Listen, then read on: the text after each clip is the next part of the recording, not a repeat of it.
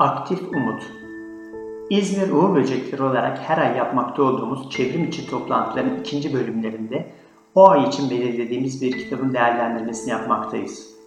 Eylül ayının kitabı da Joanna Macy ve Chris Johnston'ın beraber yazdıkları Okuyan Uz yayınlarının Flora dizisine yayınlanan Aktif Umut adlı kitaptı. İçinde bulunduğumuz karmaşaya çıldırmadan nasıl göğüs gerebiliriz alt başlığıyla kitaplarının neyi amaçladığını kısaca anlatan yazarlar, dünyamızın karşı karşıya kaldığı tehlikelerle nasıl savaşılacağı konusunda bir rehber oluşturmuşlar adeta. Bir ekofilozof olan Macy, Budizm, genel sistemler teorisi ve derin ekoloji konularında uzman bir bilim insanı. Geliştirmiş olduğu grup yöntemleri ile insanların ezici sosyal ve ekolojik krizler karşısında yaşanan umutsuzluk ve umarsızlığı yapıcı işbirlikçi eylemlere dönüştürülmesine yardım etmeye çalışmakta. Chris Johnstone ise bir doktor ve bağımlılık uzmanı. Tıp mesleği mensuplarına davranışsal tıp eğitimleri vermekte ve dünyamızda yaşanılan krizin psikolojik boyutlarını araştıran kurslara liderlik etmekte. Bu ikili uzun yıllardır düzenledikleri önce umutsuzluk ve güçlendirme çalışması dedikleri, sonra da yeniden bağlantı kurma çalışması olarak adlandırılan atölye çalışmalarına beraber katılmakta ve kolaylaştırıcı eğitimler yürütmektedirler. Yazarlar yaşanılan gerçekliklerin ve felaketlerin bizi felç etmesi yerine güçlendirmesine izin vermemize yardımcı olmasına yönelik önerilerini 13 dile çevrilen ve milyonlarca baskı yapan bu kitapta paylaşmaktalar. Uğur Böcekleri İzmir grubu olarak bu kitapta anlatılanları temel alarak yazarların profesyonel olarak gerçekleştirdikleri grup çalışmasına benzer bir çalışma yaptık katılımcılarla. İlk adımda kendi içimizde ve çevremizde gördüğümüz ve yaşadığımız nelere şükran duyduğumuz konusunda konuştuk. Herkesin, herkes şükrettiği şeylerin neler olduğunu söyledi sırayla. İkinci adımda dünyamızın yaşadığı hangi acıyı ve olumsuzluğu önemsediğimizi yazarların tanımıyla onurlandırdığımızdan bahsettik. Sonraki basamakta dillendirilen sorunlarla başa çıkmada nasıl bir yol izlenmesi, yeni bir bakış açısı geliştirerek yeni bir gözle neyi görmeyi umut ettiğimizi konuştuk hep beraber. Ve son adım olarak da deneyimlediğimiz bu aktif umut çemberinde ne öğrendiğimizi ve geleceğe yönelik nasıl bir kararla ayrıldığımızı paylaştık. Değişik, enerji veren ve ufuk açıcı bir deneyim oldu hepimiz için. Kitapta istediğimiz bir sonucun gerçekleşmesi ihtimaliyle ilgili bir beklenti olan umut kavramının dış etkenlerce oluşmasını sağlayan edilgen bir süreç değil, arzuladığımız şeyin gerçekleşmesini sağlayacak sürece etkin bir katılımı gerektiren aktif bir süreç olduğunun altı çiziliyor. Bir anlamda Herzberg'in geliştirdiği çift faktör kuramındaki içsel ve dışsal motivasyon farkı gibi içsel faktörler tatmin sağlarken dışsal faktörler tatminsizliği engellemektedir. Herhangi bir konuda iş görenleri daha etkin motive edebilmek için içsel faktörlerin harekete geçirdiği ancak dışsal faktörlerin de devreden çıkarılmaması gerektiğini altını çizen bu kuramda elde edilen ödülün davranışın kendisi olduğu içsel motivasyonun devamlılığı her konuda temel unsurdur. Aktif Umut kitabının yazarları da bir şekilde içsel motivasyon sağlanması ve devam ettirilmesi amacına dönük olan aktif umut sürecinin büyük dönüş, yeni gözlerle bakmak ve ileri gitmek olarak tanımladıkları üç aşamada gerçekleşeceğini öngörüyorlar. Büyük dönüş başlığı altında karşı karşıya kaldığımız tüm küresel sorunlar karşısında verilen tepkiler üç başlık altında toplanıyor. Bunlardan ilki ekonomik büyümenin toplumsal refah için temel olduğu doğanın sadece insanlar kendi amaçlarını gerçekleştirsin diye kullanıldığı, her türlü tüketimin ekonominin can damarı olduğu için pompalandığı, her ne pahasına olursa olsun başarının yüceltildiği ve başka insanların, ulusların ve türlerin sorunlarının yok sayıldığı eski tas, eski hamam yaklaşımı. Bu yaklaşımın engellenmez bir sonucu olarak büyük çözülme süreci yaşanıyor. Özellikle günümüzde gözlemlediğimiz bu yaklaşım yüzünden birkaç gelişmiş ülkenin lehine olsa da dünya çapında ekonomik gerileme, kaynakların tükenmesi, iklim değişimi, toplumsal bölünme, savaş, türlerin kitlesel yok oluşu ve mülteci sorunu gibi devasa sorunlarla karşı karşıya olduğumuzu anlatıyor yazarlar. Bu ilk iki bakış açısı dünyamızın mevcut durumuna ilişkin maalesef olumsuz ve çözümsüz açıklamalar getiriyor. İşte bu noktada yazarlar hiçbir şeyin tükenmediği, olumsuz düşünceye yer olmadığının altını çizdikleri yeni bir hikayeyle karşımıza çıkıyorlar. Büyük dönüş. Bahsedilen büyük çöküş karşısında yapılacak bir düzeltmenin tüm dünya insanları için arzu edilen sürdürülebilir bir geleceğe yol açabileceği umudunu taşıyor ve tüm insanları dünyanın iyiliği ve kurtuluşu için sorumluluk almaya çağırıyorlar. Yazarlara göre karşılaşılan büyük sorunlar karşısında insanların bir kısmı umursamaz davranıyorlar ve tehlikenin anlatıldığı gibi büyük olmadığını düşünüyor ve bir deve kuşu misali başını, başlarını kuma gömüyorlar. Tehlikenin farkına varan bir kısmı ise sorunu çözmenin kendi işi olduğunu düşünmüyor ve bir kurtarıcının gelip kendilerini kurtarmasını bekliyor. Bazılarının adı ticari ya da siyasi çıkarını tehdit ediyor soruna çözüm bulmaya çalışmak. Kimileri de sorunların büyüklüğünden dolayı konu üzerinde hiç düşünmemeyi tercih ediyor. Düşündüğünde acısı katlanacak çünkü. Bir tür gerçeklerden kaçış. Bir başkası öğrenilmiş çaresizlik dürtüsüyle herhangi bir şey yapmanın yararı olmadığına inanıyor. Çünkü ne kadar gayret edilirse edilsin sonuçta hiçbir şey değişmeyeceğini düşünüyorlar. Tüm bu olumsuz ve kötümser tavır alışlara bir cevap olmaya çalışan ve dünya için duyulan umutsuzluğu çözümlemeye bir cevap bulmaya çalışan bir kitap Aktif Umut. Büyük dönüş sürecinde yeniden bağlanma sağlayan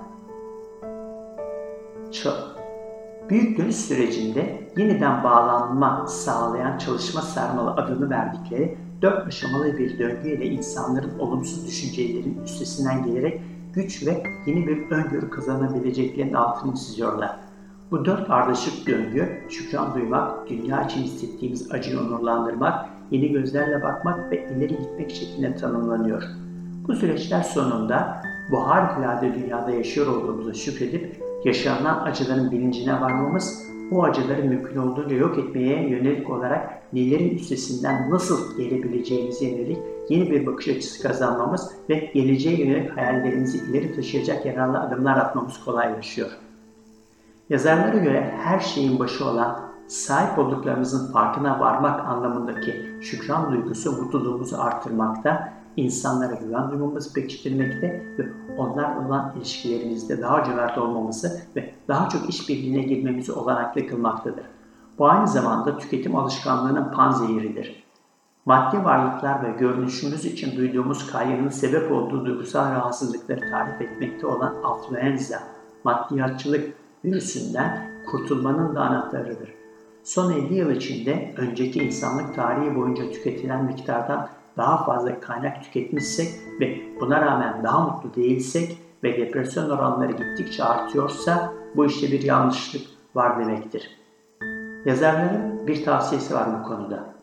Hayattayım diye sizi mutlu eden şeyleri, yapmayı en çok sevdiğiniz şeyleri, size yardım eden insanları, kendinize ilişkin takdir ettiğiniz yönlerinizi düşünün, yazın ya da konuşun birileriyle.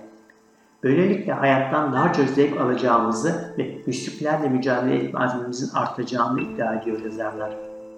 İkinci aşama olan yeni gözlerle bakmak bölümünde daha kapsamlı bir benlik algısının dünyamıza katkıda bulunma yeteneğimizi etkili bir biçimde arttırdığı bir değişimi nasıl yaşayabileceğimizi araştırıyorlar. Bunların başında güçlü yanlarımızın farkına varıp onları ortaya çıkarmak var. Çok büyük bir takımın parçası olduğumuzu hissetmek ve takım ruhuna sahip olarak daha zengin bir topluluk deneyimine sahip olmanın ihtiyacımız olan gücü bize kazandırabildiğini ancak bunun uzun soluklu bir süreç olduğunu söyleyen yazarlar kısa vadeli yararların uzun vadeli maliyetlere yol açtığını söylüyorlar.